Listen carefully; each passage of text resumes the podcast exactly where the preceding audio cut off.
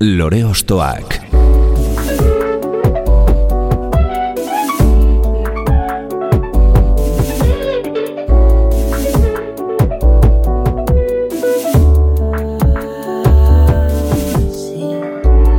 Ekain perezek aurkeztuta, gonbidatu bakoitza lore bat balitz bezala ostokatuko dugu.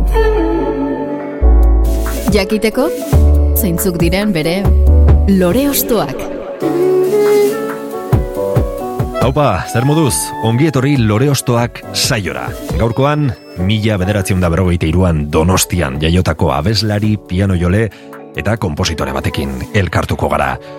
Mila bederatzen dirurgoita bederatzean, aurkeztu zuen bere lehen lana, herri gogoa zigiluarekin, eta irurgoita malauan, bere alboan behin baino gehiagotan izan zuen Xavier Leterekin eta Julen Lekuonarekin aurkeztu zuen, bertso zaharrak izeneko lehen lan luzea. Oskar Vitaldearekin ere hainbat abesti utzi zizkigun eta mila bederatzen da irurgoita amabostean iritsi zen bakarka egindako disko homonimo gogoan garria. Bertako duinuekin irekiko dugu bere abestien, anekdoten eta kontakizunen bidea. Hau, lore da, eta gaurko gure lorea, Antxon Balberde.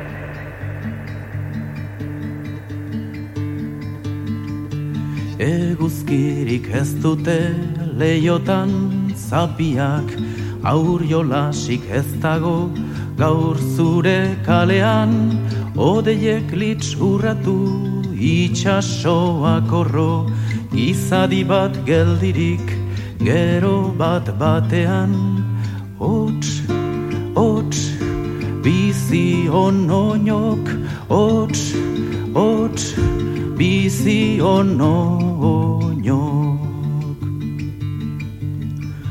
errezkadi gizonek argizai horiak gorputza lau bilobok atzetik andreak Aien elorari nau, zein dudan larria, besoek ez lanarren, bihotzak nekeak, mendea jabetea, taini jaun gorpuz jar, bezak gogoa goien, ibezin harina, ta bezatnik nerea, deina zatenean, ez iritzal argiruntz, egatzeko dina hots, hots, bizi onoinok hots, hots, bizi onoinok Horein laro gehi urte kale poz gabeok eguzkiak zitunta zure aur jola sakalaitzen gaur harriak ere baitira itzal nork lekuskez ikusi urte urdin igesak egun zarrak joan ta berriak etorri gaur poz bihar hoina ze noiz burni, noiz zilar zenbaitek ondamendi baituten katea lore sorta bekizu goi muñoak zehar. Hots, hots, bizi onoño hots, hots, bizi onoño Mila bederatzen da irurogeita mabosgarren urteraino, atzera eginda, Antxon Balberderen, bihotzean min dut kantuaren doinu eta kadentzia harmoniko ederretan barrena hasi dugu saioa. Eta urte batzuk igaro dira ordutikona, baino bere hau hemen da, gaurkoan, abestu ordez, gurekin hitz egiteko prest. Antxon Balberde, ongi etorri. Eskerrik asko. Ia menderdi bat igarostean, ezagutzen zara kantu hau entzutean edo beste antxon balberde bat zenura. Ba, nik uste, igualtzua, baina bestea zen. E, mm, nere hau entzuten dut nahiko diferente garbiagoa eta eta potentesiagoa edo gaurko egunakin konparatuz bintzat diferente eta nik uste dut urtiakin zera, indar pixka bat galtzen dela, baina espresibitatea gehitu eta bueno, hortan gabiltzen. Bai, eta polita, polita da gainera hori, ez? Ahotsaren evoluzioa bera eta ahotsa nola garatzen joten den, nola aldatzen den. E, bai. Hor nabari da noski abesti honetan gaztetasunaren puntu hori, freskotasun eta indar hori. Baina noski orain ere, e, ba, ez adibidea jartzeko Johnny Cashen azken urtetan ahots hori ez. E... Ara, batzuetan, e, az, antzinako kantak, bueno, nere ez, e, hau kanta hau bera, ez? Bai. Beltzean dut kantatu behar baldin badut nun baite, e, tono erdi bat edo tono bat jetxi behar izate dut, eskela larri hiltzen. Eta horrek esan, zerbait esan nahi du hori, ez da? bai, bai, bueno, Euskal musikaren berpizkundeko zati garrantzitsua zara. Zu ere besteak beste ez doka mairu taldeko partaidez, baino bai oso gertu, ez? bai, batez ere hango, hango batzuekin, bat, e, Lourdes, Xavier, eta ekin batez ere. Bai. Mhm. Hitzei dagokionez badakigu bertsolari eta poeta ezberdinen hitzak musikatu izan dituzula, baino e, musikalki zertan oinarritu zinen. Bueno, nik nerez, eh, nire formazioa nahiko klasikoa da, ez ni konservatoriotik pasia naiz, eta hango ikasketak eginak, eta lehenbizi, bon, solfeo eta pianoa, eta gero harmonia eta denetik, ez da? Eta, bueno, nik uste horrek daukala batez ere influenzia. Eta gero, mm, kanta bakoitzarekin histori diferente bat izaten da, kanta bat hartu, eta arri ze tonu, ze doinu, mota, doakilon, e, erabaki behar da, eta hori landu, eta kanta bakoitza diferente. Mhm. Kantu honetan konkretuki, nik behintzat nabari diot irurogeieko amarkadatik aurrera estatu batuetan eta ingalaterran egin oizen folk eh, psikodelikoaren ukitu batzuk edo hori horrela da, e, bazenuen nondik entzuna edo, edo suertatu zen horrela. Kio, kio, kio, bat ere ez. Et, eta zuk hori, aipatzen dituzuna Joni Cash eta hori, bueno, noiz baiten zunak ditut, baina oso gutxi, eh? Aha. Oso gutxi. E, hemengoakin nahikoa dut. Bai, nere, nere lagunakin, gero ikusiko dugun bezala, e, aukeratu ditudan kantetan, danak ditut ezagunak eta maitiak, eta batez ere horregatik. Beraz, kontekstuan sortutako Bai, eh, hori da, hori da, hori da, bai. Gauzak datozen araberan. Eri gogoa egitasmoaren barnean aurkeztu zenuen, disko hau ez?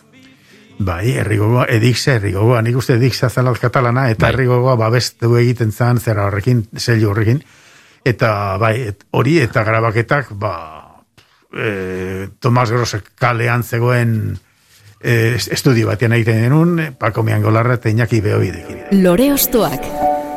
Beno, ba, zure musikarekin hasi dugu saioa, baina orain zure alboan izan dituzun musikari eta musikak ezagutu nahi ditugu. Zure oroitzapen musikalen radiografia moduko bat egiteko. Bai, erki. Zarekin hasiko gara. Bueno, hemen lehenbizikoa dugu, e, Imanol. Mhm. Bueno, in, Imanolen historia oso in, unkigarria da, eta, bueno, nik asko ezagutu non Imanol, nire txetik angertu bizitu zen, demora mm, e, luze batian, eta elkarren, e, elkarrekin asko biltzen ginen, bueno, egoten ginen izketan, eta bar. Eta asko, aizko maite nuen nik, eta nik badakit berak ere, ni maite ninduela. Eta horreatik ekarri dut. Kanta bat, berak kantatua, eta e, hitzak Xabierrenak, eta musika beste lagun min batena, Carlos Jimenezena. I, berriro igun hau zuen hemen dira, izen horrekin, iratzeok regeldiak e, izeneko diskan dago sartua kanta, eta nik uste oso kanta ederra dara. Mhm. Horregatik hartu dut. Imanolen irudiak, ezakit zergaitik agian bere erabakiak, edo bueno, iritzi ezberdin asko sortu izan ditu gure herrian, baino dudarik ez dago bere hotxak sekulako jarioa zuela, eta teknikoki ahots gutxi entzun direla gure herrian gaitasun horrekin, ez da? Bai, gainera, gainera, le- lehen hitz egin dugu hasierako eta mm, jarraileko zea- e, kantuak kon- ahotsak konparatuz, Bai. Imanolen kasuan hori nabarila da. Imanolek hasieran egiten zuen e, oso indartzu eta oso fuerte, baina oso e, e, nahiko nola esango nuke silvestre xamarra. eta ge- gero, claro, bera, eta horrek merita handia do. Jo, eh, mm, kanta ikasketak egin ikasi egin zuen, eh? klasiak hartu eta, eta bueno, nabari da, azkenean kantatzen zuen zoragarri. Bere irudia aldarrikatzen duenetako azara, beraz. Bai, bai, bai, bai. Leteren hitzak dira, kantu honetakoak, esan duzun bezala, Carlos Jimenez pianoan, zuere pianista izanik, zer kontatzen diguzu Carlosetaz? Bueno, Carlos izan da aurkikuntze bat izugarria, bai Xavier Leterentzat eta bai niretzat. Leno moldatzen ginean pilok batera, baina claro, gitarra utxe zazieran, eh? Be, Xavier gitarra eta nik ere bai. Gero azkenian pixka, pixka bat hasi ginean pianoakin eta ordan pixka eta. Baina gero ja, alako batean nik ez dakit Xavierrek uste, nuen, eh, uste dut egin zuela eh, fitxajea. Alako batean eraman gerun Carlos gure jaialdi batera eta, bueno, hortik aurrera ja beti, beti. Eta be- ez bakarrikan musikaletikan, persona bezala era, ere e, izugarri zera da, e, gizon e, e, ona eta maitekorra. Mhm.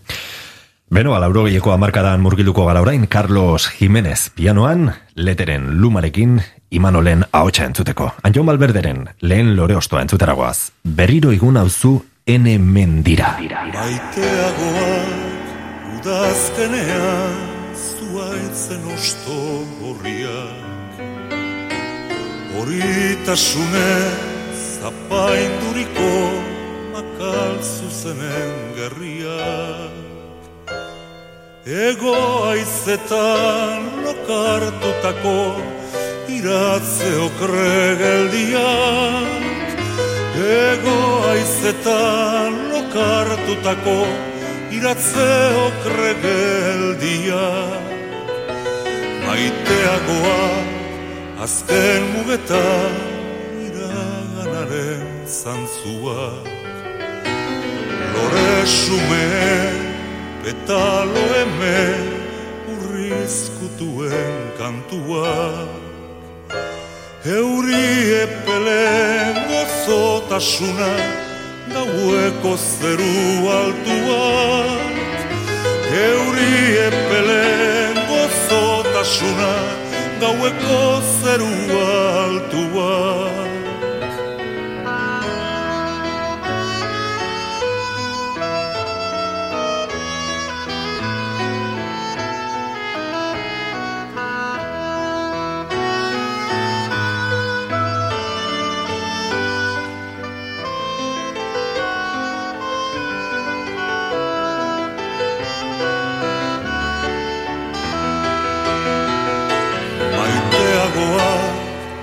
sua eta jaia fruitu berrien azia Uda beteko musiketatik ernaldutako ansiak.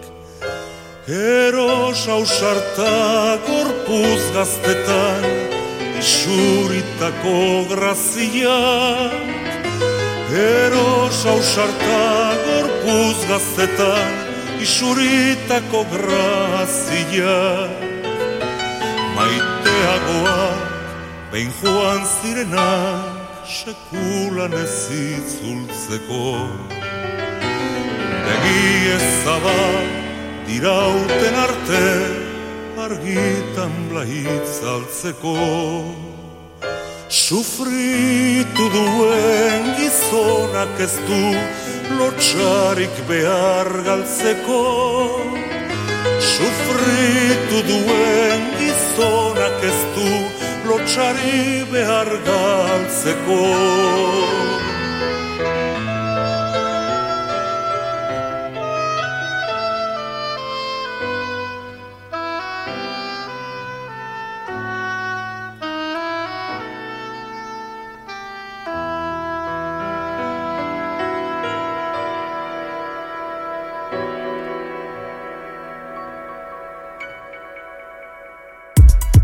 Lore Ostoak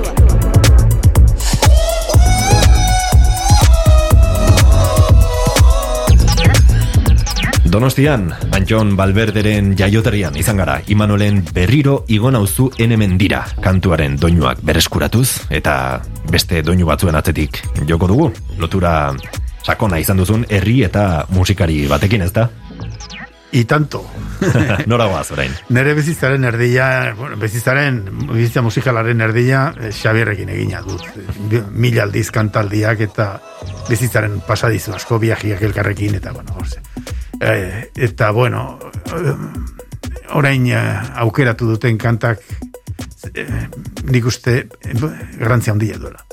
Ez dut ametsa handirik da kanta. Eta nik uste hor, Xabierrek hor, eh, Euskal Herriaekiko bere eh, iritziak eta eh, etorkizunako asmoak eta hor ondo zehazten ditu. Nik ez dut ametsa handirik. Eta nik uste ja tituluakin nahikoa dela jakiteko nondik handi joazen e, e, e, tiruak. Eta nik uste kanta importantia dela. Mhm. Nik ez dut amets handirik, zeru ederrik eskaintzen, etxipenaren mugetan zuekin nago bizitzen. Itzederrak beti bere ahoan kantari. Bai, bai. Zuk gertutik ezagutu zenuen eta nola deskribatuko zenuke bere izaera? Bueno, eh, denok dakigu e, bilizela, bueno, pasadizu asko izan zituela, et, e, bai musika, musikaren arloan eta bizitza pribatuaren arloan ere bai. Eta horrek nik uste, e, bazet ere bizitza pribatuaren e, pasadizuak eta bere jarrerak asko e, baldintzatu zuten, batez ere bere azken, zituz, baldintzatu zituen bere azken urteak. E, bueno, elkarrekin hasi ginen, iruro eta mairuan edo lauan, eta hiltzan arte, elkarrekin ibili ginen. Urte batzuk ginen kantatu gabe, gero beraz izan pixka bakarrik, eta gero berriro binok. Eta, bueno, zer esango lagun hona izan zan eretzako, izan, e, eta tipo oso inteligentia. Nik uste, e, e, poza ematen zuen, entzuteak bakarrik. Horren ondo hitz egiten zuen, bai euskeraz eta bai castellanoz ere eta gauza askotarako maixu bat zen. Horentxe, oi hartzun godalak era, eh, editatu du liburu bat, zera da, rekapalazio bat, bere, berak edatzitako eh, artikuluak. Eta nik uste, eh, hori, liburu hori irakurri behar dela jakiteko eh, zeintzen eta ze asmo zituen, ze opinio zituen, eta liburu importantia. Mm, sakontzeko bere pentsamoldeetan, ez? Bai. Eta nola ezagutu zenuten elkar? Bara, nire gurasoak etxe bat zeukaten oi hartzunen, eta udarak pasatzera gudara juten ginen. Nik ama bi ama urte nituela, e, bueno, bizikleta hartu eta juten nintzen herriko plazara, eta hango, hango mutilekin, haien artian xabierlete, ibiltzen ginen, bueno, jostatzen korrika, eta batzuetan bizikletan, bestetan korrika, eta orduzkeratik. Eta berak horregatik, nik handik esaten zuen, nire zela beranean tia. Beraz, ezen, zuen lehen harremana ezen musikala izan, ez? E, kalean ezagutu zen. Kalean, kalean, bai, bai. Musikala handikan denbora askora. Ua zen, ba, berroita magos garren urten, eh, urtian edo, eta gero elkarrekin kantatzen hasi ginen, handikan kasiko gehi urtera. Uh Eta begira, zeundare hau diguzuen, eh? Urteetarako. bai. Kantatzera noazu, mila bederatzen deruro gita amabosteko disko gogoan garri hartatik, entzuten ari gara. Ez dut amets haundirik. Nik ez dut amets haundirik, zeru ederrik eskeintzen, etxipenaren mugetan, zuekinago bizitzen. Nik ez dut solas loditik Etorkizuna egiten Bat bateko librakuntzaz. Ez dut aspaldi sinisten. Bizitza maite dut baina Ez dut alferri gastatzen.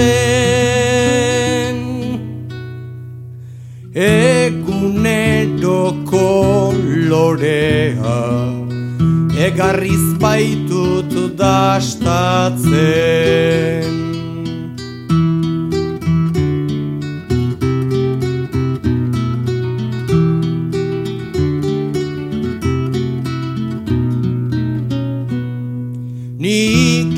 ez dut eortzondoko Omen aldirik desio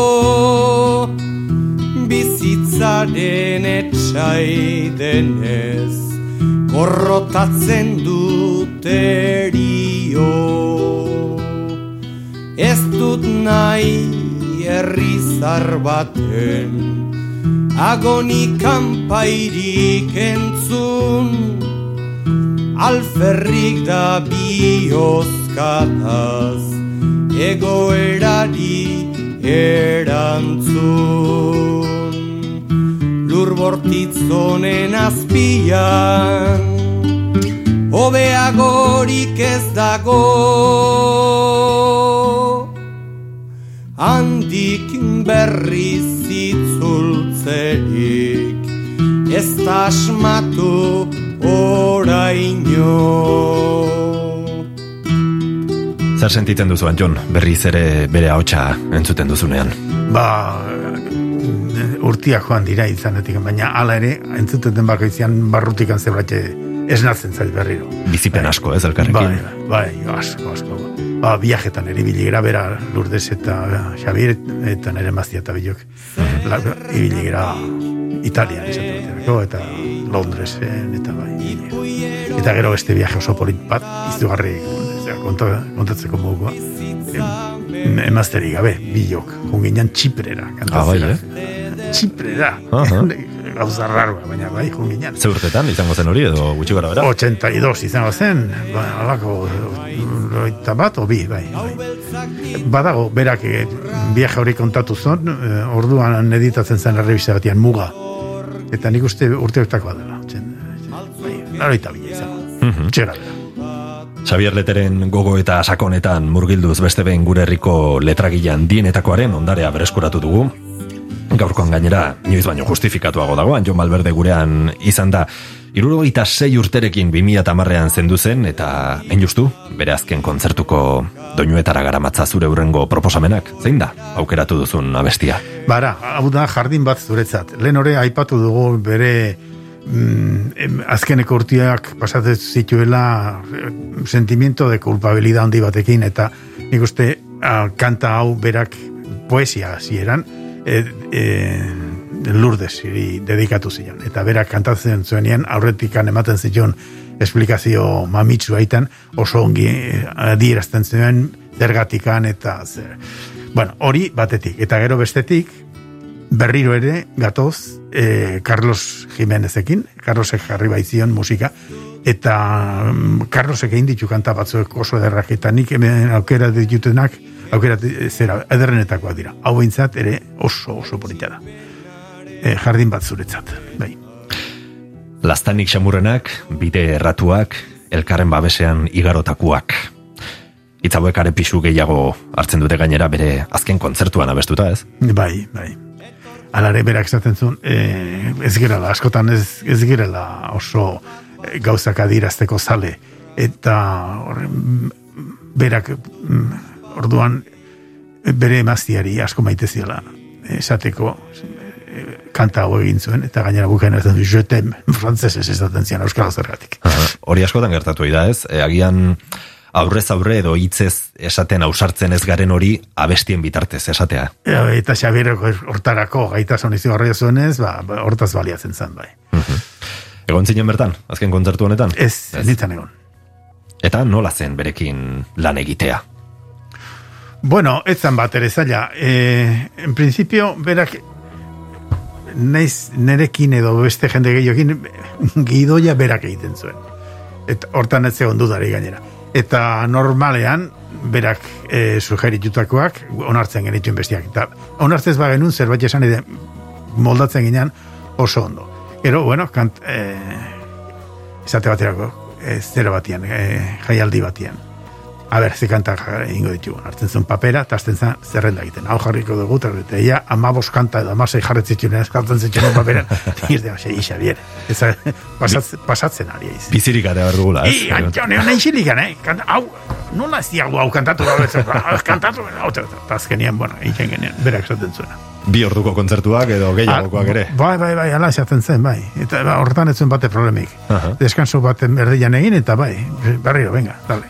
Eta kantuak osatzerakoan, em, nola, nola egin ohi zenuten? Zuk agian bea- bera e, ideia batekin etortzen zen, zuk gero harmonia gehitzen zenion, edo no, nola izan ohi zen prozesu hori? bere, bere kantetan, berak sort, musika sortutako kantetan, bera tortzen zan e, gitarrakin jo- jotzen zuen, eta en principio gidoia musikala bentsat egina zegoen, berak egina. Eta arrei erazten genizkion beste gauzak, edo pianua, edo beste gitarra, edo beste zerbait, eta bueno, adost, adostu egiten genuen. Arregloak gehitzen joaten Arregloak egiten genuen, bai. Hori nerekin, eta Carlosekin ere, igualtzu. Carlosekin igualtzu, edo ka, igual grabazio bat eman Carloseri, eta gero arrek ekartzen zuen ja dena betea eta egina, betua. Zuzenean errenteria izeneko diskoak mila bederatzen da laurogeita emeretziko leteren azken kontzertuko emanaldia gordetzen du, gero berriz gaixotu eta 2008an argitaratu zen bera zendu ostean.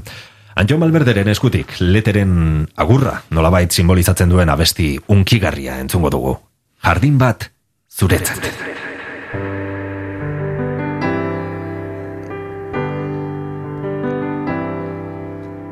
Egunak eta gauak, udatan eguak, etxipen ilunenak, zorion orduak, bizitzaren zaurillak, helburu galduak, lastanik xamurrenak, bide erratuak, elkarren babesean, igarotakuak.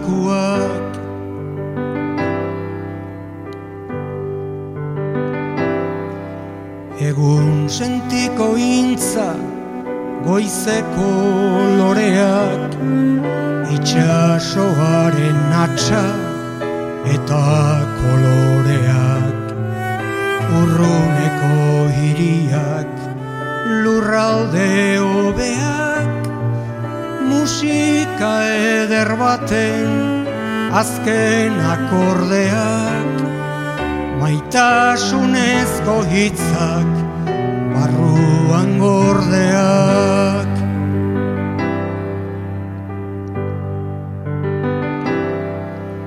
Eskutikan hartuta amilduak gera erreka bat bezala menditik ganbera.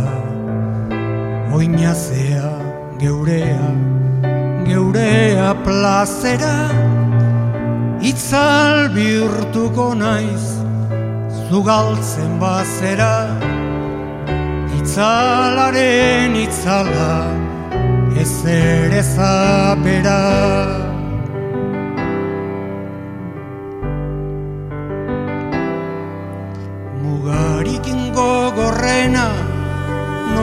baitil beharra Igaro eta gero munduko zeharra. Menta beltsen usaila, zure irrifarra Betiko gozatzea, nere ametsa da. Zeruko jardinetan, zerurikan bada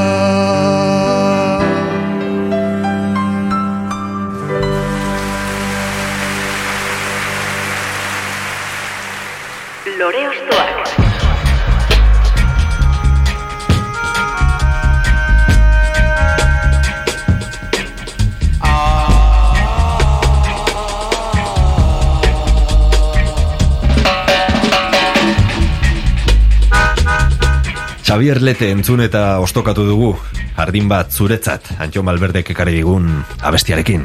Mila bederatzen deruro bosteko kantatzera noazu diskoa ere aipatu dugu lehen, ez doka mairuko parteide bat zen Lete eta beste batekin jarraituko dugu, ez?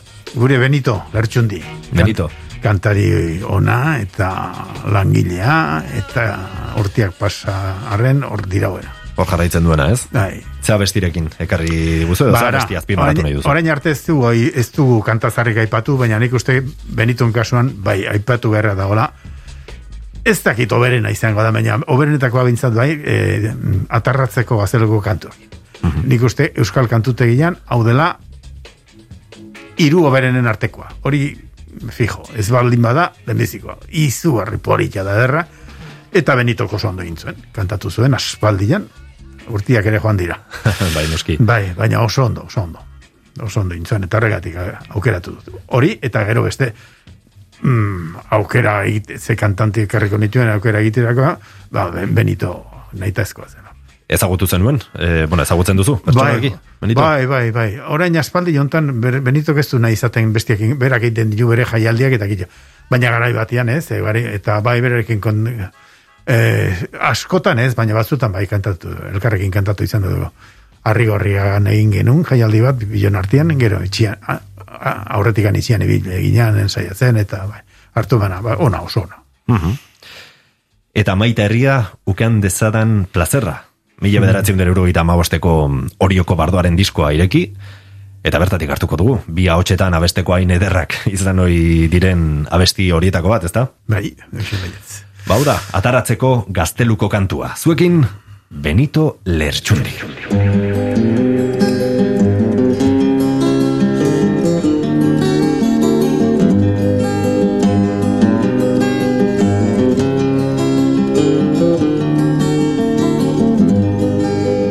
Zahaze jaun gania, bizitroin doratik. Ahatarratzeko jaunak Batak galdati Ikendi harraposti. Ez direla inti Intirik dire nia Patio ikenen di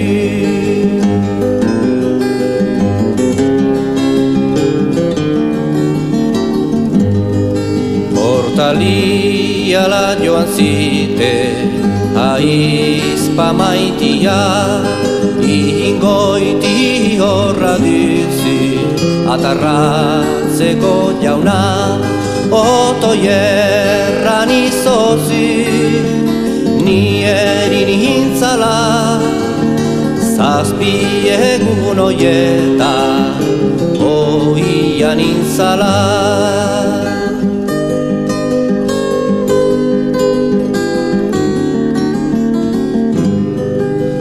gara zoa zahorai Sarako lehiora Iparra ala egua. Denez jakitera Iparra balin bada. Gora intzi salari Ene korbitzaren txerka Jindadila sarri. Jindadila Iparra balin bada Gora intzi salari Ene korpitzaren xerka Txindadila sarri.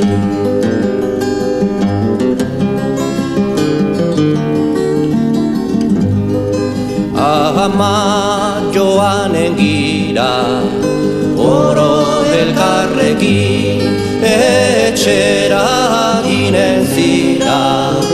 Xangri handirekin Biotza kargaturik Begiak bustirik Eta zire alaba Tumban ehortzirik Biotza kargaturik Begiak bustirik Eta zire alaba Tumban ehortzirik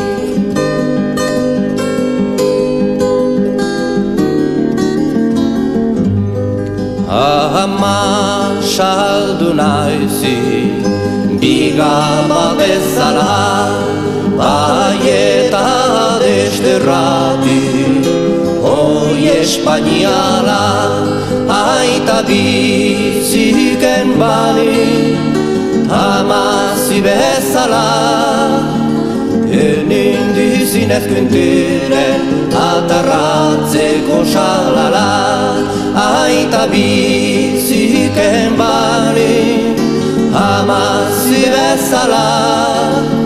Yren indi zinezkün diren atarratzeko salala La la la la la la la la La la la la la la La la la la la la la la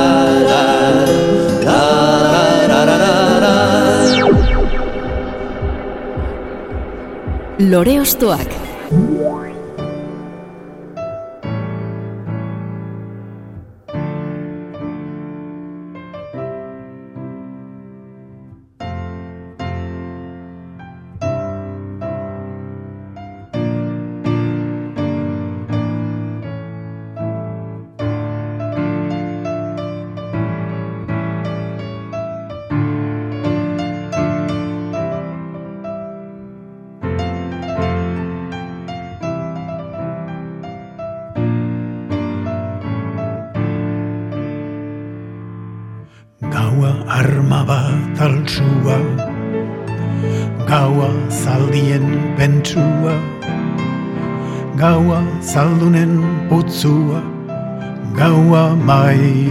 mairuen arkua Gaua etxe gotortua Gaua ate bat lertua Gaua eromen mutua Gaua betor infernua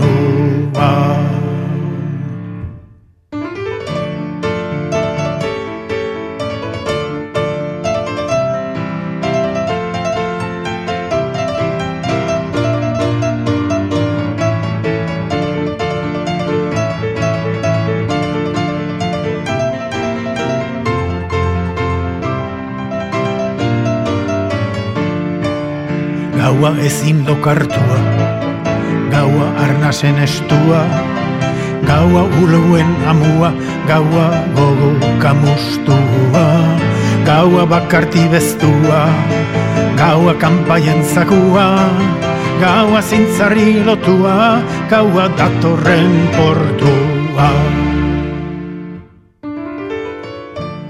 Gaua ausentziaren itzala. 2008an kaleratutako Antxon Balberderen diskotik hartu ditugu. Azken minutuetan sei silabako gauak abestiaren piano naiz. Ahots doinuak hitzak arkaitzkanorenak dira ez eh, kasu honetan?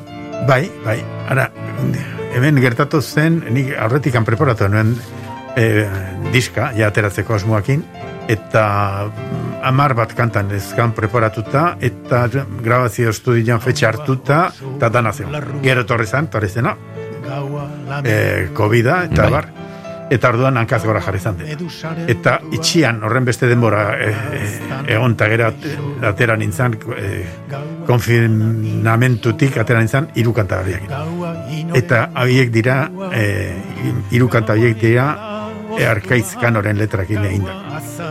Arkaitz Kanok eta Ark- Arkaitz Mendozak atera zuten duela 6 zazpi urte ez dakit. Liburuska bat oso polita. Malgu da gaua izenekoa. Arkaitz Kanok egin zitun liburu hortarako amar bat poesia edo. Eta gero e, poesia horiek egin zitun castellanora, es, e, espainolera itzuli. Etzan itzuli itzulketa exacta izan, nola esaten da, baina e, egin zuen itzulpena, eta gero gauza bera egin zuen inglesakin, pasatu zuen, pas, pues, e, pasatu zuen, poesia horiek danak inglesera. Eta danak e, poesi guztiak gaua dute gai. Eta orduan, Arkaitz Mendozak pianoan jotzen ditu, ze izango zen ba, nocturno bat. Hori da. Nocturnos Chopinenak. Bai. Oso ondo jotzen zituena, eta hor hor daude elkarrekin liburuan. Bueno, eta e, nik hartu nun liburua, eta musika etorri zitzaidan. Banuen aspalditik gogua zerbait egiteko folia batekin. Folia, folia da, bueno, amazai garren, amazazpi garren izaldian e, e, erabiltzen zen e, e, musika klas, klase bat. Ja, e, akorde batzuek dira, eta akorde horien gainean, jandiak egiten du gero, variazioak egiten ditu. Batek e, e, violinakin, viola, violoncelo, e, klabitzen beloakin orduan, eta eta e, zera musikari italiano guztiak Corelli, Tardini, Tancredi, eta Etini guztiak danak, bakoitzak egiten, egiten zuen bere folia. Ta, bueno, nik eman nion, kanta honeri foliaren e, erritmoa eta eta egitura. Aha. Eta horrela egiten Gero, ikusi nu, ero jo nintzan itzulpenera, eta ka- castellanokoara, eta uare, ez dakiz zergatikan, beri ala, atera zitzen, eh, atera zitzen musika, etxando pipas, eta gero pentsatu no, bueno, ordu, hemen ja bukatu beharra dago, eta inglesara behar dugu. Eta egin nun. Hori da, gazteleraz eta ingelesez ere Bai, eh, bi lehenbiziko aldiz, lehenbiziko aldiz, nire bizitza guztian, noski. Eta, bai. Eta nola moldatu zinen, batez ere ingelesez abesteko... Bara, Horretan? zer egin nun lagun bat eribiali nion e, testua, eta eskatu nion irakurri zezala, e, mikrofonera aurrian, e, favorez paia gainera poliki irakurtzeko, eta regia, dializian, eta ikasi nun, eta buelta asko manizkian. Eta, handu lertzion diren ustez, oso ondo gelditu zen naiz eta batzuetan alemanez ari nintzela ematen. Bueno, baduzu horzuk e, bigarren abizena, ez? E, Bai, bai, bai, nun batetik idun. Zerbait baduzu hor, ez? Datorkitik usetan ez bai. Da. E, Ordutikan aurrera, gainera, andolitzen idazten ditenean, ger, esaten dit. Ah, bai. bueno, bueno, ba, hor, zure genetatik edo zerbait ateratzen, ez?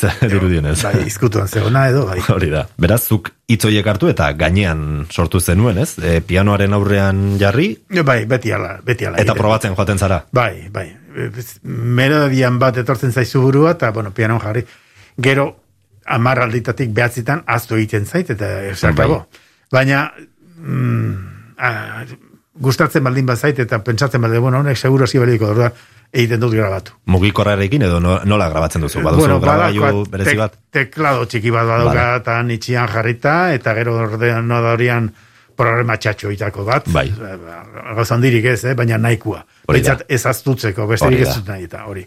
Eta horrela egiten dut, bai. Mhm.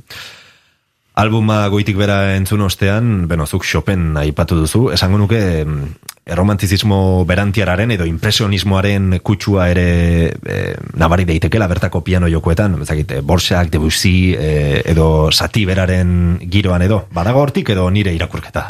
Nik uste gehiago dela zure irakorketa. Bai, ez? Eta, baina beste diskatan, bai, egoten da hori. Ara, e, e, esate baterako, e, Lizardiren urtearoak ene beginan diska egin nuenean, han, han bai, erabilit jon doinuak, Bramsenak, Bai. bat, bat motiborik bat zegoen, eh? etzan plagiatzeak bakarrikan, motibo bat, eta Rabeleren kutsoren bat ere badagoan dikan, bueno, da, ontan, ontan nik uste, ez dakit, ba, agian arrazoia dezu, baina behintzat ez da nahi eta Bai. egina. Aha. Ez da horri bilatua behintzat. Nik batean edo impresionismoaren edo, bueno, e, kutsu bat edo, baina, bueno, beste lanetan behintzat izan duzu, ez? Bai, bai, bai, bai, beti, ba, eta eh, influenzia gehien bat, edo, edo bakarriga, ez era, musi, eh, musiko klasikoena. Eta nola sortu zen, zu eta pianoaren arteko harremana?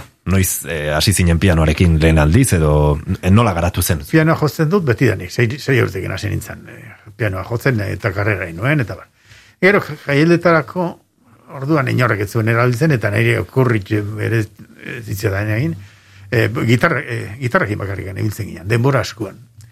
Alako batian, Xabi, ez dakit, Xabirrei edo neri, edo, no- Segurazki estudioan batian sartuta pianoa nola, ere- orduan estudioetan bai erabiltzen genuen, pentsatu genon, jaialdetarako ere egin behar genuen, eraman behar genuela. Eta hasi ginen, pianoekin, oh, kontatzekoa da nola ibiltzen ginen, gehonek eramaten genuen pianoa. Ostras. Kau, gitarra bat erresa da alde batetik bestea mugitza, baina piano Bai, bat, ez? bai, Bere bai. zailtasuna du. Bai, bai, gitarrek badu, bai, bentaja hori, eta pianoarena da, puf, Claro. izugarri izaten zen, eh? Agian horrengatik kostatu zen baita ere, ez? E, bueno, e, gauza fisiko batengatik, ez? E, pixka bat e, sartzea Gehiago- kontzertuetan, eta... ge- Gehiago zen ez zitzaigula korritu. Ja. Ez dakizte urtetan hasiko ginen pianoak eramaten e, jaialditara, baina izango zen, pues igual, laro gehiagoan edo, Mhm. ez dakit, bueno, ez kaso handirik ez egin fetxakin beri. Bai, baina, bueno, gutxi gora bera. Bai, gutxi gara, hori da. Baina bai gitarrak zuela, ba, e, podere hori edo, bueno, e, ikur moduan ez, kantu Bai, hori da. protestaren e, barnean, eta gitarra eta hotxa, ez? Bai, hori da, hori da, hori da. Eta bai, zera kantautoreak gehienak behintzat horrela ditzen ziren, eta pra- praktikotasun handi batekin ere, bai. Lore Ostoak. Beno, bai, jarrai dezagun aurrera, gaua ausentziaren itzala diskoa alde batera utziko dugu, eta Imanol Uberak aurreko atalean aipatu zuen bezala, jarrai dezagun arkeologia musikala egiten. Zerrekin egingo dugu topo orain. Ara hemen zerrandan, zerrendan, urrengo datorrena da Oskarbi. Eta Oskarbiren kanta, aukeratu dutena, androkanto izigo kanta. Mhm. Lehen hori esan dizut, nik aukeratu ditut hemen mm, ondoen ezagutzen dituten kantantiak eta bar. Eta gainera, e, hoiekin batera datoz e, beste personaje batzuak. Ez da? Eta hemen, bueno, e, Oskarbik at, diska bat e, atera zuenian, Jorge Otaizari dedikatu zion kanto. Oda, bere poesia batetik abiatuz, Luis Romero, orduan Oskarbiko zuzendari zena, Aha. e, egin zuen adaptazio. Eta nik uste, kanta importantia da, ze e, horra ipatzen da, em, artista artista izugarri handi bat, Jorge Oteiza, eta berak egindako obrarik handienetako bat da, eta da arantzazuko pietate eta apostoluak. Mhm. Eh? Eta horregatik aukeratu. Hori, batetik eta gero bestetik, bueno, Luis Romero gintzun, musika, e, letra eta musika. Eta Oskar Gipoek, Oskar Bikoek kantatu. Eta oso ondo, ni, nik uste e, kanta, kanta importantia dela baita. Aha. Eta zu ere beraiekin ibili zinen, jotzen ez? Bai, biro hiru urte zibilin itzanakin. Gertatu zen, e, berak ziren, e, bost edo sei ziren, batek jotzen zuen gitarra oso ondo, Iñaki Maritxalar, eta bestiak ez, bueno, ez, e, neska batek ere bai jotzen zuen gitarra, baina gutxi. Eta orduan, gitarris, gitarra jotzen zuen baten beharra sentitu zuten, te, esan ziaten, ja, hasiko nintzen berakin. Uf, encantado. Bueno, eta pasatu nitin aikin biro irurte zoragarriak kantatzen. I, gainera kantatu genuen garai hartan i, e, batez ere udaran kan, e, jaialdiak baina astian iruta lau aldiz igual, bate, udara partian batez ere. Asko kantatu genuen iparraldean izugarri eta ondo. Eta, bueno, Oskarbi ordutikan niretzako da talde oso maitatua. Mhm, Eta asko ikasiko zenuen baita ere, ez, zuzenekoetan, eta bueno, izango zen nolabait zuretzat esperientzia, Esperientzia zure politia. motxila betetzea, ez? Eh, bai, bai, bai. E, zera, Luis Romeroren eh, konpainia oso konpainia ona izan zen, niretzako, eta gero mm, kantak egiteko berak aukeratu edo sortzen zuen e, kanta bat, e, letra eta musika, eta gero proposatzen zion, hori hori proposatzen zuen taldean, eta taldean poliki poliki hasten ginen denok gure ba, gutxi gura bera ze, ze tonutan hemen, ze tesituratan egin behar geden edo bakoitzak ba egin eta hasten ginen eta kanta burutu arte. Lehen aipatu dugu iruro gehieko amarkadako folsiko delikoaren iturria eta hemen ere nabaria da, ez dakit naita bilatutako zerbait izango zen, ala, bueno, e, zure kasuan bezala kontekstuan sortutako e, zerbait, ez? Nik uste gehien bat hori hori dela, bai, kontestuan sortutakoa. Et, et, e, nik, e, importantzia handia ematen zitzaion, ez e, nondikan zetorren kantari, ez? Edo kanta herrikoia zela, edo egin berriak, gaur egungo poetena, aspaldikoa, horre ematen zitzaion garrantzia handia.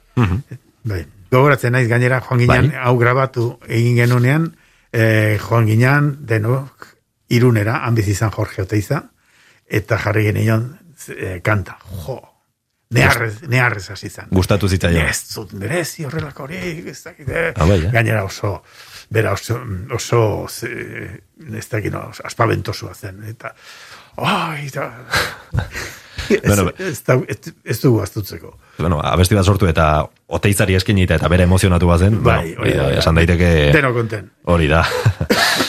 Beno, ba, entzun dezagun, ondo gordetako arribitxi hau, mila bederatzen diruro itamabian, Euskal musikaren berpizkundearen sustraietan, e, geldialdi bat eginez, Oskarbi talde gipuzkoararen eskutari diskoko abesti hau. Androkanto isigo kantan.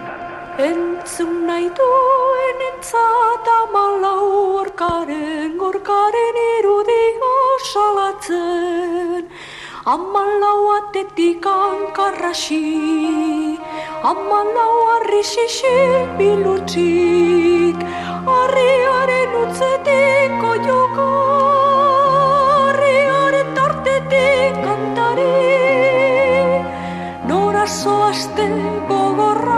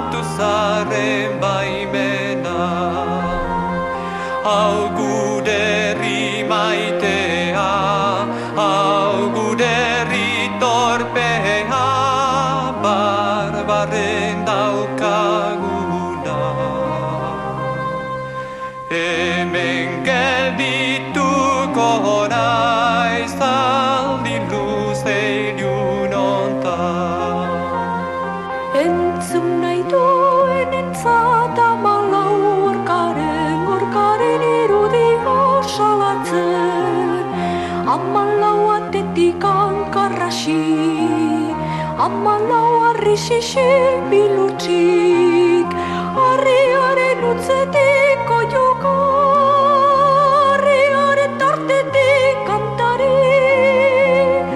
Nora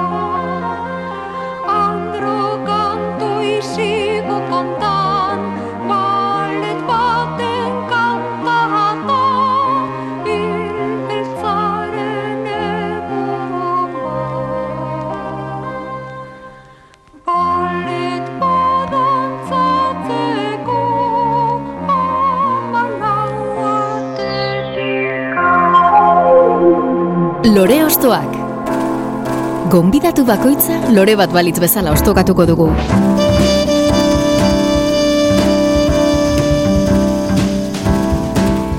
Gustura gabiltza, Anjon Balberde donostiararen lorategi edo jardineko loreak ostokatzen eta Oskar Biren musika berreskuratu ostean aurrera egingo dugu zure oroitzapenetan barrena. Zein da edo dira zure urrengo pasartea osatuko dutenak?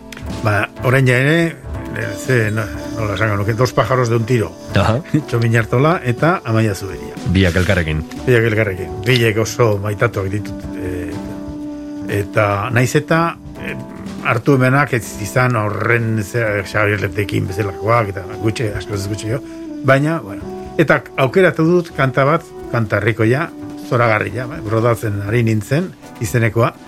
Eta gauza harrigarria da horren simpleki eta nola egin daiteke kanta bat, kanta bat horren ondo eman. Eta bukatu. Bilok, txomi eta maia. Eta ze oroitzapenek hartzen dizkizu kantu honek, e, gogoratzen duzu lehen aldiz non entzuntzen nuen edo? Ez, ez, ez. Haure, oh, nus, ez dakit noizkoa den. Hemen daukazu 91 jarreta, eh? Bai. Diska izango da, baina nik uste aurretik eren zunan nuela. Bai, e, hau e, biak partaide ziren aizea taldean aurkeztu zuten e, lehenik abestia eta gero ba, biko moduan itzuli ziren askoren hauetan egon den kantuarekin. Bai, Agian Oskar Biren bideari jaraipena eman zion aizeak, e, baita ere, aipatu dugunez. diferente, diferente. Nik uste eh, askorrena landuagoa zela. Hau zan, mm, ez dakit nola esan, eh, bat batekoa. Baina- Eta lehen esan dutena, oso era simplean egin zituzten gauzak, baina ondo. Gero kanta berez, bueno, kanta, kanta hori beste, kanta horrek baditu berzio asko, eh? Beste bat, eh, nik ere parte hart- hartu nuena, nuena da, eh, aranburuk egin zuena.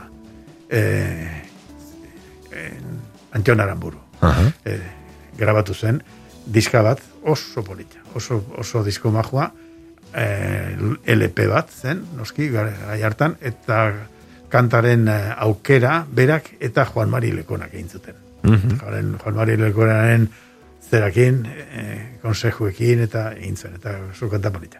Kanta oso polita, brodatzen ari nintzen, gero ez dakit ez ote duen baita ere kantatu jolen Lekonak. Askorako eman duena bestia beraz, ez? Bai, oso kanta ederra, ederra. Ta, hemen merezi du hemen onera ekartzea. Mhm.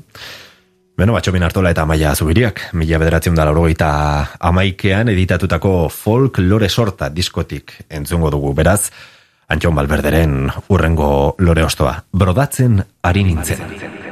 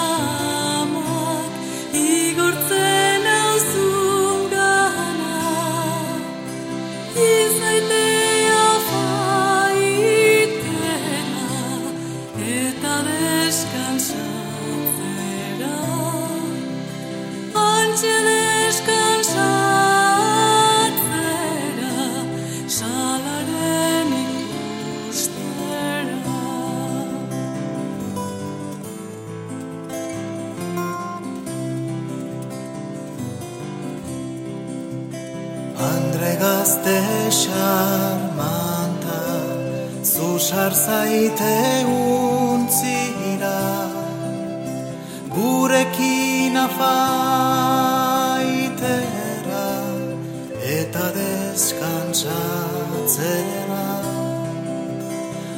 Antxe deskantsatzera Salaren ikustera.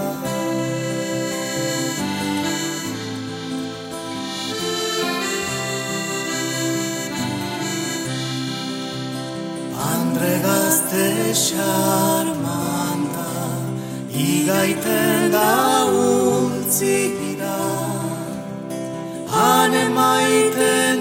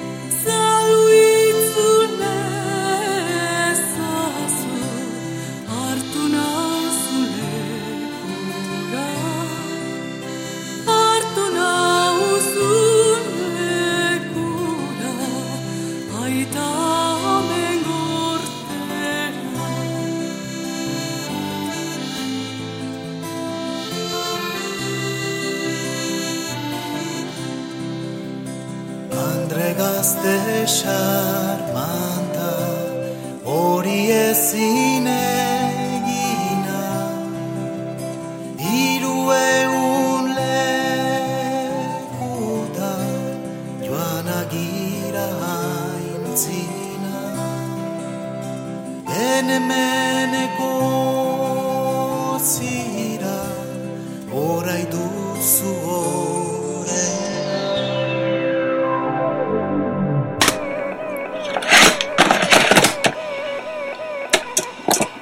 Lore Ostoak.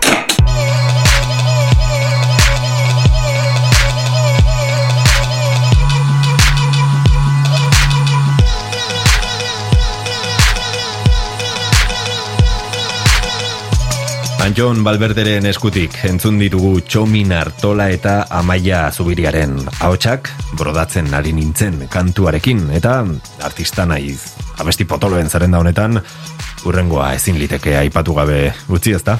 No, hombre, Mikel Laboa. Nik uste Euskal kantantien artean zabalkundea handienak tortu duena, hemen Euskal Herrian eta Euskal Herritik kanpo ere bai, asko, asko zabaldu dira bere lanak. Eta ze kantu azpimarratu nahi duzu horrengoan. Jo, zaila izan zen. Eh? Hau, ja. Pentsatzen dut. Ok, bai. Eh, Txoriak txori, por ejemplo, neri barkatu dezaidat, baina ez zait asko gustatzen. Ah, bai, eh? Bera, ba... Ez. Baga bi gaiga gehiago gustatzen zait. Gehiago, hori baina. Eta baina Mikelen kanta asko gustatzen zait hit izugarri.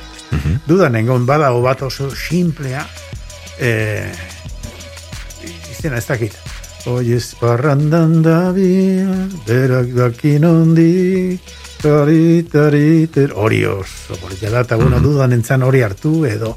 Baina gero, baita ere pensatu nuen, bueno, dos pájaros de, de un tiro, zatuko ditut hemen ere bai, Mikel Aboa, eta Jose Anton Orte, beste, beste per, personaje, personaje ikaragarria. Maitagarria, poeta ona, laguna bezala ere oso ondo portatu zenat denekin. Bueno, hori. Eta, bilek el, eh, Mikel Aboak bat baino gehiago musikatu zituen, eh, de Artzeren poemak, baina hau aukeratu da. Gogo eta gorputzaren zilborrestea. Mhm. Gaia, gaia kuriosua, da, oso kuriosua. Esanguratsua, ez? Nola bizitzako etapa horiek eta bueno, e, aldentze hori ez, zure Nerea- sustraietatik Bai, eta zure Nire amazanak esaten zuen hori entzun eta nehar esaten esaten zela. Ah, bai, eh? Bai. Ez zitzaion gehi gustatzen eten behar hori. Noski, noski. Eta, bai. Baina kanta ona da, nik uste bai letra atletikan eta bai musika atletikan bai, ondo jarri zion Mikelek. Hartzeren hitzen eta laboaren arteko ahotsaren binomio edo monumentu erraldoi horretatik gertu egontzara oso zu ere Bai. eta nola bizi duzu gerora orainaren perspektiba urrun honetatik haren guztiaren parte izatea ba, os, eh, arro sentitzen naiz. Eh? Eh, hartu emanak izan etxun gehien bat Xabier eta Lourdesekin, baina gero Pantxo eta Peiokin, eta Mikelekin ere bai asko. Hau ere, ni bizi nintzen lekutik eh, gertu bizizten garai batean. Eh? Amaran bizi nintzen nik, eta berare bai. Eta elkarrekin askotan egiten genuen topo, eta egotzen zen ere txera, eta, eta, eta oso tipo berezia zen Mikel Laboa. Baitagarria, eh? Oso tipo berezia. Beti eh, enteratu zenean ni ba, ba, musika nekilela eta piano jotzen nola eta beti elkarretzen ginen, elkarrik ikusten genuen esaten, Ian John, itzein berriagu, eh, hortaz, eh, itzein berriagu. Bueno, handikan bila berriro egitu, eta Ian John, hortaz, itzein berriagu, eh. zerbait egiteko prest ez Bai, baina beti beti horrela. Hortan gelditzen zen. Eta alaka batean e, nire etxeko azpilan genden eta izketan hasi ginen, eta zen, "Oi, ba hitz egin dezagun. eh. Goazen gora torre etxera. eh, era, aterako bizut zerbait hartzeko eta bitartean izan Egon ginen ordu betero, bi ordu, ez da izen bat denbora, eta despedide esan zen, "Ah, John, itzen berdiago. eta, eta hola gehatu zen ez Hola gatu zen. baina bueno, pianoarekin behin baino gehiagotan jantzi izan zenituen laboaren kantuak Bai, batekin oso arro nago, e, e, egin nion e, galdako, galdakaoko estudio batian, egin nion pianoren laguntza bat, eta, e, bueno, gustura galditu nintzen. Aha. Pentsatzen dut berari gustatuko zitzaiola. Eta lan egiteko garaian nola zen berarekin ba estudioan egotea edo hartu eman horretan ibiltzea. Komplikatua zen, komplika, komplikatua. Ze, etzen, etzen bat ere formala, formalidade aldetikan, eh? E, konpasak egiten zitzun bere, jar, buruan jartzen zitzaion bezala. Eta harrei jarraitzeko, bueno, habría que hacer equilibrio. Noski. bai, nigo ez naiz, uste dut bastan, bastan enkantan, edo ez dakit. Eskatu zidan, e, e, berak oboe baten laguntza nahi zuen, e, estudioan grabatzeko, eta eh, Donostiako konservatorioan, bazegon eta balago ez dakit agian. E, oboe jotzen duen tipo bat oso ondo egiten duena, Rodríguez o izenekoa. Eta es- eskatu zian, abere ingo nion partitura arrei jotzeko. Bueno, partitura, jo, eh, bi kompas berdin zaila zen aurkitzen, eska dena inbertzan. Eta gero noiz sartuta, noiz atera, eta jo, ibili ginen estudioan, como locos. Hor klaketarik etzen, ez? Ke? Baina, bueno, eta ba, gustora gelditu zen. Behintzat, behintzat horrela santzidan, zer esango zen. Bai, bai, bai. E, claro, zu gainera alderdi akademikotik edo etorrita, bera zen beste muturreko pertsona bat, ez? E, gitarra esan duzu, ba, entzuten dugunean bere abesti askotan nabari da, ba, irregularidade hori, edo, bueno, horrek ere ematen dio bere pertsonalidade hori, ez? Bai, bai, bai, bai. Azkenean, Gero esan beharra dago baita ere, berak egin gauzak egiteko, potroak behar direla, eh? noski, noski, noski. leke, lekeitioak egiteko. Hori da, hori da. Eta, eta baina, ederra zen, eh, komunikazio, komunikazio, zeak, eh, antzezpen hori, eh, polita, bueno, polita esan guratzea, eta ondo. Bai, bai, eta batez ere hori, ausardia hori, ez? Ausardia. Jendaren aurrean jarri eta horrelako gauzak egitea, ba, ze, herri hontan gainera, ba, oso tradizionalak eta izanik, Bai, baina, izan zen austura bat. baina lortu zuen, eh? Hori da, hori da. Lortu zuen, ba, e, arreta hori eta, bueno, e, onarpen hori ez, jendaren gan. Bai, bai, bai. Eta ez da erresa. Bai. Mila bederatzen deruro malauan, Donostian, emango ditugu beraz, urrengo pausuak, bat iru diskoko gogo eta gorputzaren zilborresteak kantua entzunez. Hau da, Balberderen urrengo lore ostoa, Mikel Laboa.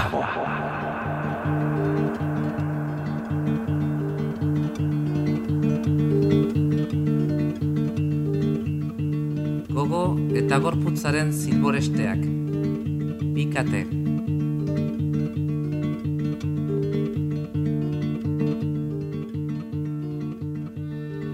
Daukate biak ebaki beharrezkoak Bat gorputzaren bizitzeko Bestea gogoaren azkatzeko Adizu ama badakizu Zortze berean zuri gorputzez Lotzen induen zilborestea Sendagileak nola eten zuen Lehenengo eten beharra izan zen.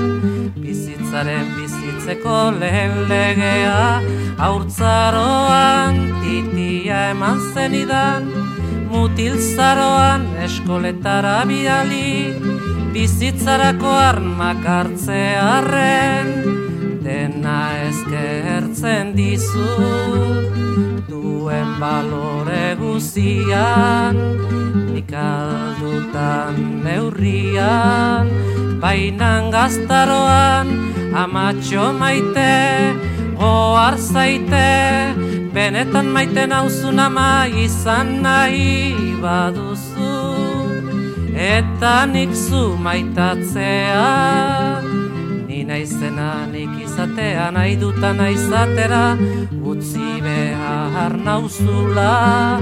Hau baita bide bakarra Biokalkar sanoki maitatzeko Biokalkar osoki eta betikoz maitatzeko. Zuk zuren hortasunaz nik nereaz Zuk zuren hortasunaz nik nereaz Ama dezagun Lehen gorputzaren abezela Orain gogoaren zilborestea Ama gogoaren zilborestea Larara, larara, larara, larara Larara, larara,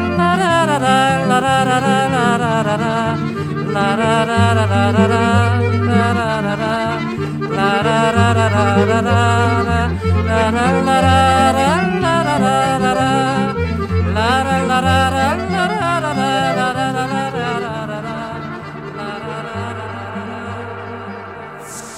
Ekain perezek aurkeztuta, gonbidatu bakoitza lore bat balitz bezala ostokatuko dugu. Lore ostoak.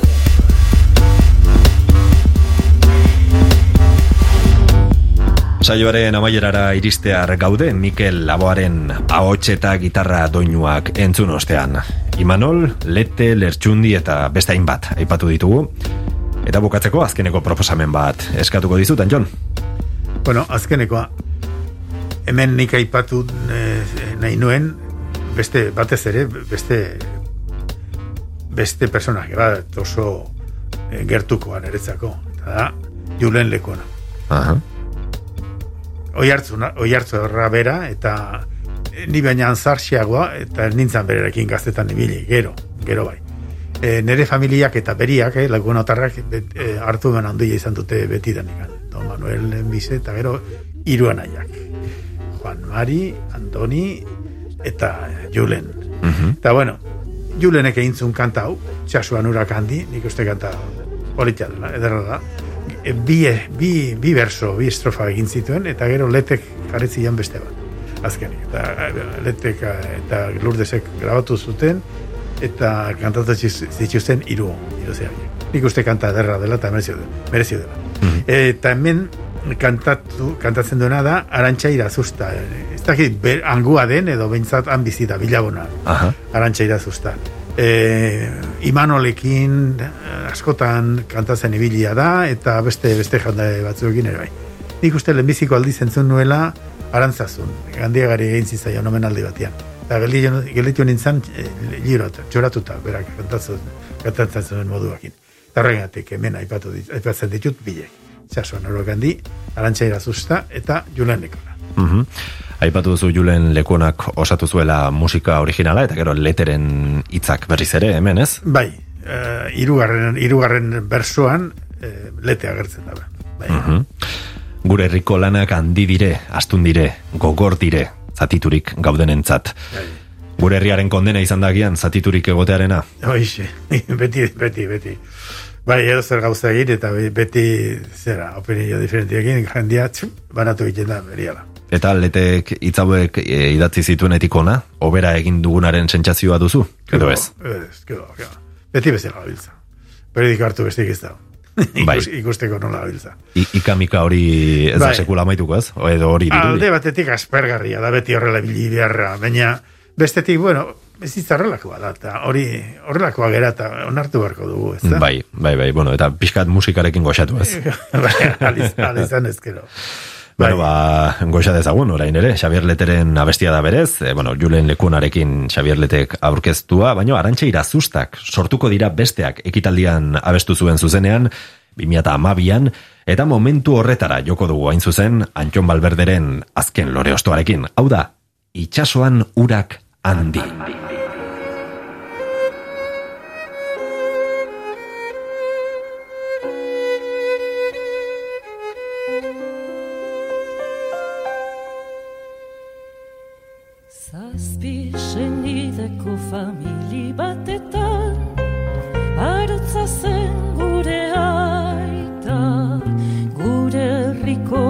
Alkate ez izan arren Lan egiten zuena. Zazpi senideko famili batetan Arotza zen gure aita. Gure herriko alkate ez izan arren Lan egiten zuena. Itxasoan urak handik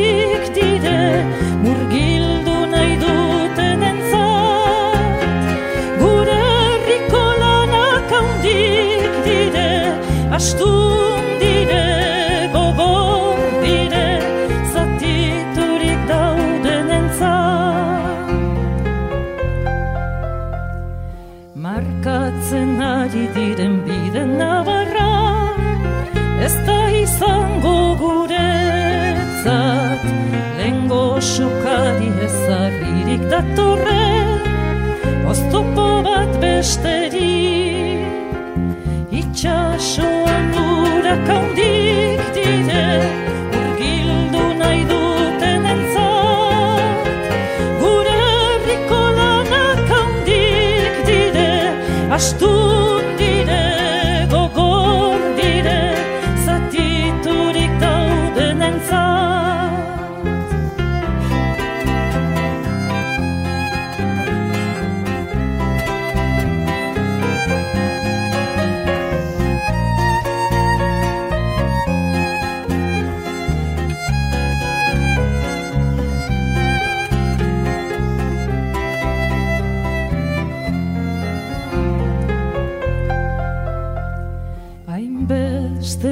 mendetako gure morrontzak Baditu mila tankera Eta zuhur aukeratzen ez badegu Bertan galduko gera. Hainbeste mendetako gure morrontzak Baditu mila tankera Eta zuhur aukeratzen ez badegu Bertan Itxasoan urak handik dire Murgildu nahi duten entzat. Gure herriko lanak handik dire Astun gogor dire Zatiturik gauden entzat. Itxasoan urak handik dire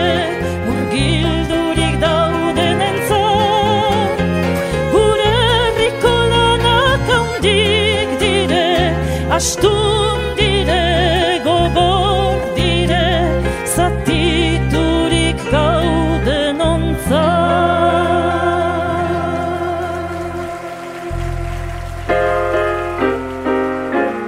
Lore Ostoak.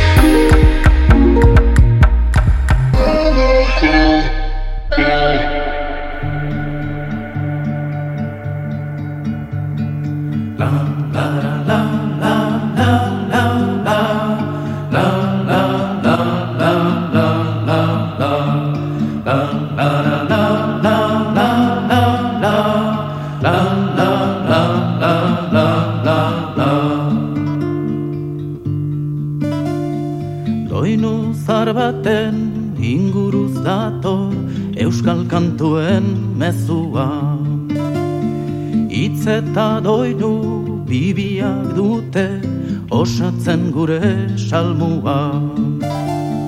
Herri kantuen aide artean Ikusi nuen mundua.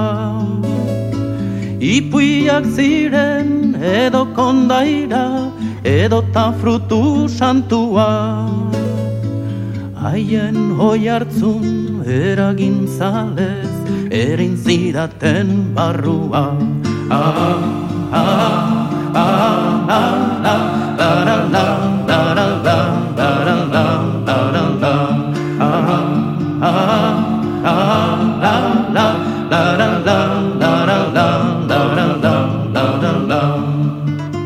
Euskal kantuen mezua, abestiak gorderik dakaren energia berezi horren atzetik, orain bai, iritsi gara saioaren amaierara, Antxon Balberderen mila bederatzen derurogeita amabosteko ahotsa entzunez.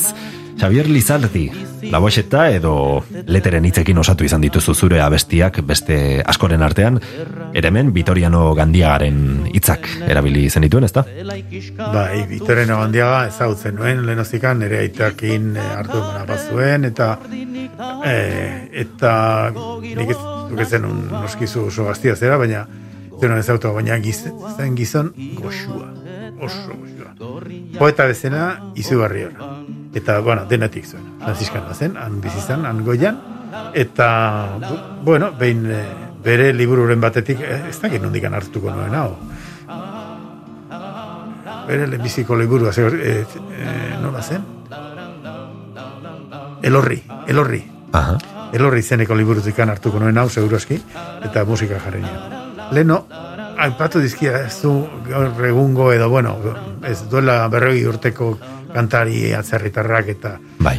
Bueno, nik uste hemen influenzi bat badagola, eta da Cat Stevenson. Ah, begira. Cat Stevensek egiten ditorrelako tereri, tereri, tereri, Bai. tereri, antzeko eh, zera lio batzuek ere egiten ditu, eta nik gerora pensatu izan dut, hau, eta egia da, garai hartan entzuten nuela Cat Stevens. Bai, ez? Beraz zerbait geratuko zitzaizun zure barru hortan, ez? Eta Hori da. Osa, hemen ditugu, zera, Gandiaga eta Cat Stevens. Mhm, begira, ze ondo. eta Antxon Balberde. Eta. Antxon Balberde. Eta zure izena daraman diskonen azala, okerez banago, zure arreba Rosa Balberdek egin zuen. Bai, bai. Zure familian artearen disiplinatik gertu egon zarete beti ezta? Bai, musikarekin, eh, ni gehien bat, anaien, anaien arreben artean bintzat eta aitakin, ni. Baina nire aitaren arreba, bi arrebak, eh, musikariak ziren bat oso famato izan zena, guri diren laguntzaile eh, organo katedran izan dakoa, eta Ah. bar, bueno, eh, hori, osea, eh, musika eta gero pintura. Pintura nire itxian beti- Zure aita, ez? Antonio beti- Balberde oso beti pintore esanguratsua da. Bai, eta ger, bere sei eh, seme alabetatik bik jarraitu dute bidea. Bat Rosa, eh, portadarren egilea, Hori da. eta bestia Javier. Beste portadaren, nire disken portadaren egilea. Hori da. Javier Oiartzuarra, ez? Mm, bueno, ez jaio, jaio nik ez dakit, oiartzuarra, desde luego, bizitzez Hori eta da, bai hori da. han bizi da, eta, bueno, ez, ez dauka usteko, no? Gustora- Ondo errotuta ondo sustraiez. errotuta, Bai, bai. Ederki, eta zuk pintatzen duzu, edo ez? Ez. Noiz paiz probaren bat egin izan dut eta ez zait. Musikarekin nahikoa. Nahiko eta gehiagi bai. Bai, ez. Batera errestasunik ez. Beno, ba, artearen alderdi politenagian beti bizirik irauteko gaitasun hori da, momentu konkretu bat betirako gordeta ustearena, bai pintura edo abestien kasuan behintzat. Eta gaur momentu asko eta asko bereskuratu ditugu Antxon Balberderen konpainian. Euskal kantuen mezua, kantua abestuz, bagoaz, eskerrik asko Antxon, gurera etortzaren, Ba ez horregatik eta mila esker ez diri. gustura gontzara, Oso, bai. Eroso. primeran, ez da gutxi. Vale. Eta zuri entzule, gogoratu, EITB Euskal Kantak atarian edo EITB podcasten, lore ostoaken atal guziak, nahi duzunean entzun ditzakezula. Nire partetik besterik ez. Eskerik asko gurekin fidel, beste alde horretan mantentzaren. Ondo izan, eta urren arte.